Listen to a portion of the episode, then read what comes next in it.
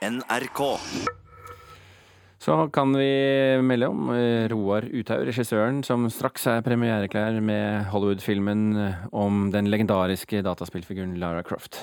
Ja, mange husker kanskje den forrige Tomb Raider-filmen med Angelina Jolie i hovedrollen.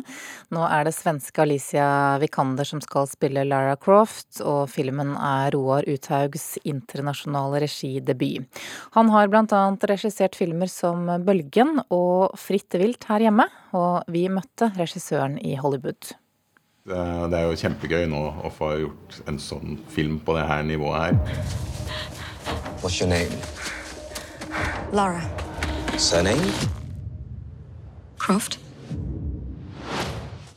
I snart to år har regissør Roar Uthaug vært i USA for å lage filmen Tomb Raider om dataspillheltinna Lara Croft. Fra å sitte og spille det første Tomb Raider-spillet med kompisene hjemme i kjellerstua på Lørenskog, til nå å stå og lage filmen, har vært en reise.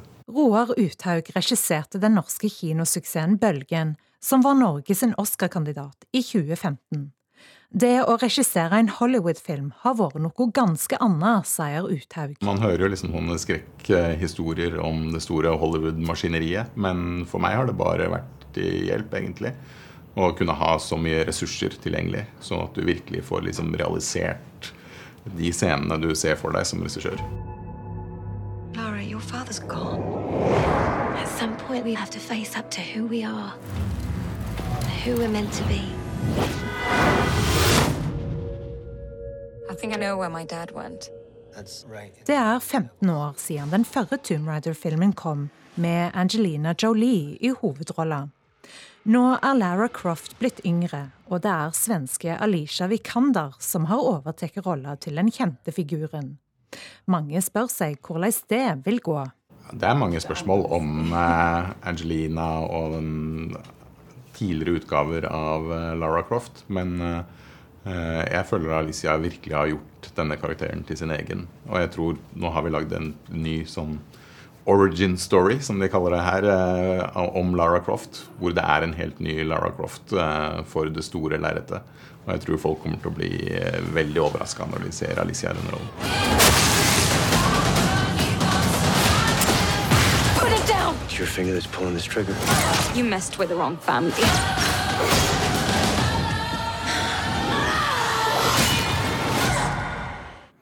Ja, Tomb Raider har eh, norsk kinopremiere 16. mars. Reporter var Kjersti Flå og Helga Thunheim. I går kveld så holdt youtuberen Markiplier eh, i Oslo Spektrum. Han har om lag 20 millioner følgere på YouTube-kanalen sin, og er kåret av Forbes Magazine til den mest innflytelsesrike gameren i verden. Det vil da si en dataspiller. Videoene hans er vist nesten ni milliarder ganger, og sånn høres det ut i én av YouTube-videoene han har lagt ut av at han selv spiller spill. Stay right there, you douchebag! You stay right the F there! God damn it! That is like, this is like the most terrifying game I've ever played! They're gonna pop out at me! Oh god, he's gone. Hi, okay. Ja, Om lag 1200 av tilhengerne hans hadde fikk, fått, fått, med seg showet i Oslo Spektrum i går kveld. Og flere hadde sikret seg VIP-billetter til forestillingen. Her er en av dem. Det er fordi han er så kjælen og fantastisk og bare en generelt drithyggelig og god fyr. Og det er så utrolig at man får muligheten til å liksom se et sitt av sine største idol sånn rett foran seg og ha muligheten til å snakke til han. Jonas Lihaug Fredriksen, god morgen. God morgen. Du har selv en YouTube-kanal, FlippKlipp på NRK Super. Aller først må du fortelle litt mer om hvem Markiplier er. Eh, Markiplier er jo, som du nevnte, eh, i hvert fall en av verdens største youtubere hva angår gaminginnhold. Eh, og jeg vil også si meg enig med det hun eh, som hadde vært og sett han i går, sa. At han er også en veldig varm fyr. Mye arbeid gjort for veldedighet og eh, mye energi på kamera. Du har sett deler av dette showet som ble vist i Oslo Spektrum i går. Eh, hva er det som skjer på scenen når han er der? Det handler mye om publikum, er inntrykket mitt av det, om jeg skal, om jeg skal oppsummere. Um, han, han, er jo der han er pga. publikummet sitt, og YouTube er eh, et medium, et veldig fokus på liksom konstant tilbakemelding fra publikum. Så han drar publikum mye opp, eh, lar dem eh, bestemme, eller delvis bestemme litt over showet. Og så er det mye gamingreferanser og, og fjås med vennene hans. Han gjør det jo sammen med vennene sine. Ok, Gamingreferanser, det må du forklare. Typ um, hvis de lekeslåss, så bruker de lydeffekter fra forskjellige spill og lignende til å skape en form for uh, humor av det, da. ok. Men hva, hva er det som gjør at en dataspiller kan lage et sceneshow? Uh, dataspill er jo veldig, veldig stort. Uh, alle spiller stort sett et eller annet, pleier vi å si. Og Eh, det er vel egentlig bare at det har latt seg bygge over veldig lang tid. YouTube begynner jo å bli en ti år gammel plattform. Han har vel ikke holdt på så lenge, men, eh, men han har holdt på lenge med noe som er veldig populært, og mange har begynt å følge det. Mm. Han har jo engasjert seg politisk også. Få dager etter denne skolemassakren i Florida så la han ut en video på YouTube der han argumenterte for strengere våpenlover. Går det an å si noe om hvor mye makt han har? Ja, 20 millioner følgere er jo en viss makt. Hvor, hvorvidt alle de 20 millionene eh, er helt enig i alt han sier, det vet jeg ikke. Eh, men jeg tipper at han eh, la det frem på en måte hvor han ytrer sin mening, og sikkert lar seeren sin ha sin egen mening. Der kan jeg ta feil, i og med at jeg ikke har sett det, men ja, ja det er en makt i det. Så det er jo veldig mange mennesker. Men ja, ja, det er klart det. det er klart det er det. Men det er uh, blant uh, de spillinteresserte da, og de markiplier-elskende. Ja, For hvem er det han henvender seg til primært? Um, jeg, jeg, tror det er, Han har et bredt nedslagsfelt. Men jeg tror det er mye barn. Det tror jeg. Takk skal du ha. Jonas Lihaug Fredriksen, som har også egen YouTube-kanal som heter FlippKlipp. Den kan du se på NRK Super. Takk.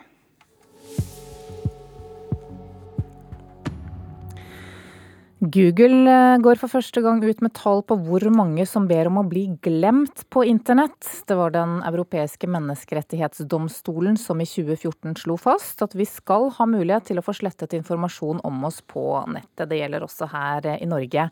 Reporter Thomas Alvarstein Ove, hvordan har pågangen vært? Jo, søkemotoren har eh, fått 2,4 millioner henvendelser om å få slettet informasjon siden denne dommen for tre år siden. Det vil si eh, artikler, bilder eller annen type informasjon som ligger på nett, eh, at den skal bli tatt bort en gang for alle og ikke være søkbar. Siden 2016 så har Google systematisk kategorisert disse henvendelsene, forklarer, nei, forklarer det skriver Financial Times. Eh, for det viser seg at privatpersoner står bak 90% av kravene. Når dommen kom, så fryktet enkelte nemlig at selskap og organisasjoner skulle misbruke denne glemmeretten til å redigere seg til et penere bilde av eh, virkeligheten på internett. Men altså mindre enn 7% kommer faktisk fra næringslivet eller myndigheter eller kjente personer i posisjoner som må tåle kritikk.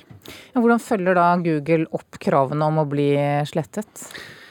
I underkant av halvparten, 43% av dem, eh, blir eh, slettet, viser det seg. Google har på sin eh, side de understreker at det er komplisert med en slik mengde krav, og slår fast i hvert enkelt tilfelle hvor relevant kravet faktisk er. Mens vi snakker om fengsel og krim, så skal vi gjøre et hopp til kunstkrim.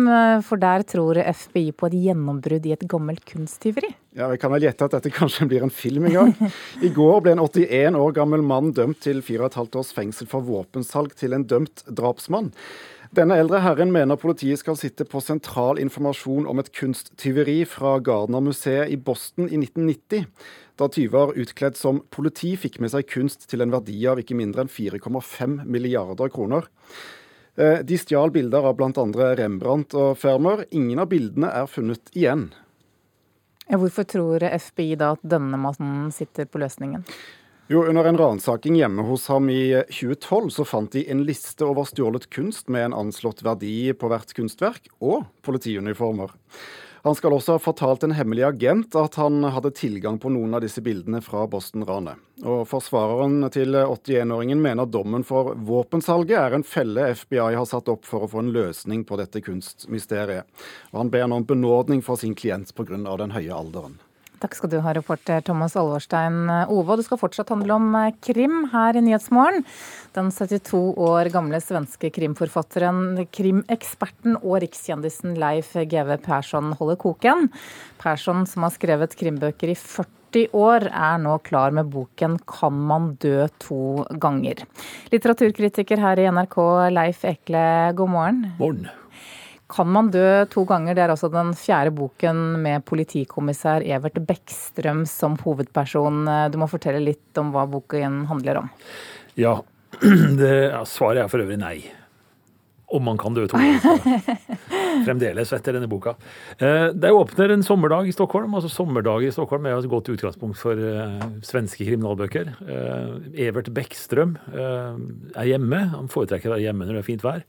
Eh, Så banker det på døra, eller det ringer på døra på en litt spesiell måte. Og det viser seg å være hans lille nabo, som eh, Edvin.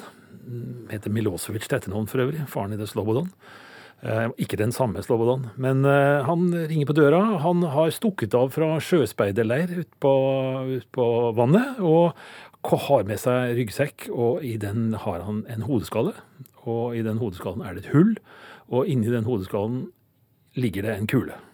En finkaliberkule. Så spørsmålet er, Han mener dette må være en, en sak for hans eh, politikommissær-nabo. De er for øvrig venner. Beckstrøm liker ikke barn, men dog.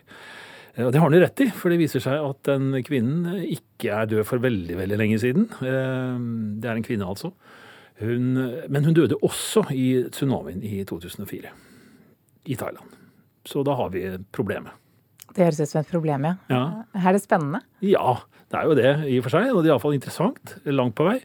Eh, Det, måten det blir rulla på, dette er jo en typisk sånn politikrim, slik arbeider politiet, med GV Perssons ekstragreier, som er mye vittigheter og humor oppå det hele. Men, eh, men selve etterforskningen beskrives på en spennende og interessant måte. Og problemet blir jo løst, da. Eh, Vi skjønner jo det, men eh, det er, litt intrikat. Bekstrøm er jo blitt en populær karakter. Hvor ligger kvalitetene hans? Ja, han har vel ingen kvaliteter, egentlig, bortsett fra at han eh, ser på seg selv som Sveriges beste detektiv. Han er Vi kan begynne et sted. Han er litt korrupt. Han er homofob. Han er kvinneforakter. Han ser ned på stort sett alle andre mennesker enn seg selv. Eh, Det er det viktige unntaket. Det er altså Evert Bekkstrøm. Eh, og han har frekkhetens nådegave i svære porsjoner, eh, og kommer alltid ut på toppen, selv om det kan se dårlig ut. Men så løser han da saker innimellom. GV Persson har en hang til vittigheter, og, og de bruker han flittig på, på Evert Bekkstrøm. Og vi ler nok ganske ofte. Øh, og, men når det har gått noen sider, så, så begynner vi kanskje å, å få det litt i halsen. For det er, det er, ja, han, er, han er Han klarer ikke helt det der med å koble det faktisk morsomme og vise frem denne figuren. Og, og, og det at det faktisk er litt alvor i dette. Altså, han, er, han, er, han en ufyselig type, altså. Mm. Du, du mener også at boken rett og slett er for lang? Ja, det mener jeg også. Den eh, er jo 540 sider. Eh, Og det kan jo holde fint, det, for en kriminalbok. Men når det meste er klart på side 300 omtrent, så er det 240 sider igjen. Det er veldig mange ord, altså. Så det er ikke alle de som er like velbrukt. Så en litt hvassere redaktør hadde kanskje vært uh, greit. Ok, Men for de som har begynt å planlegge påskeferien, er dette her en bok de bør ta med seg i sekken? Og Særlig hvis de har lest uh, Leif GW Persson uh, og om Evert Bekkstrøm før, så vil jeg ha stor moro av dette. Takk skal du ha, litteraturkritiker her i NRK, Leif Ekle. NRK.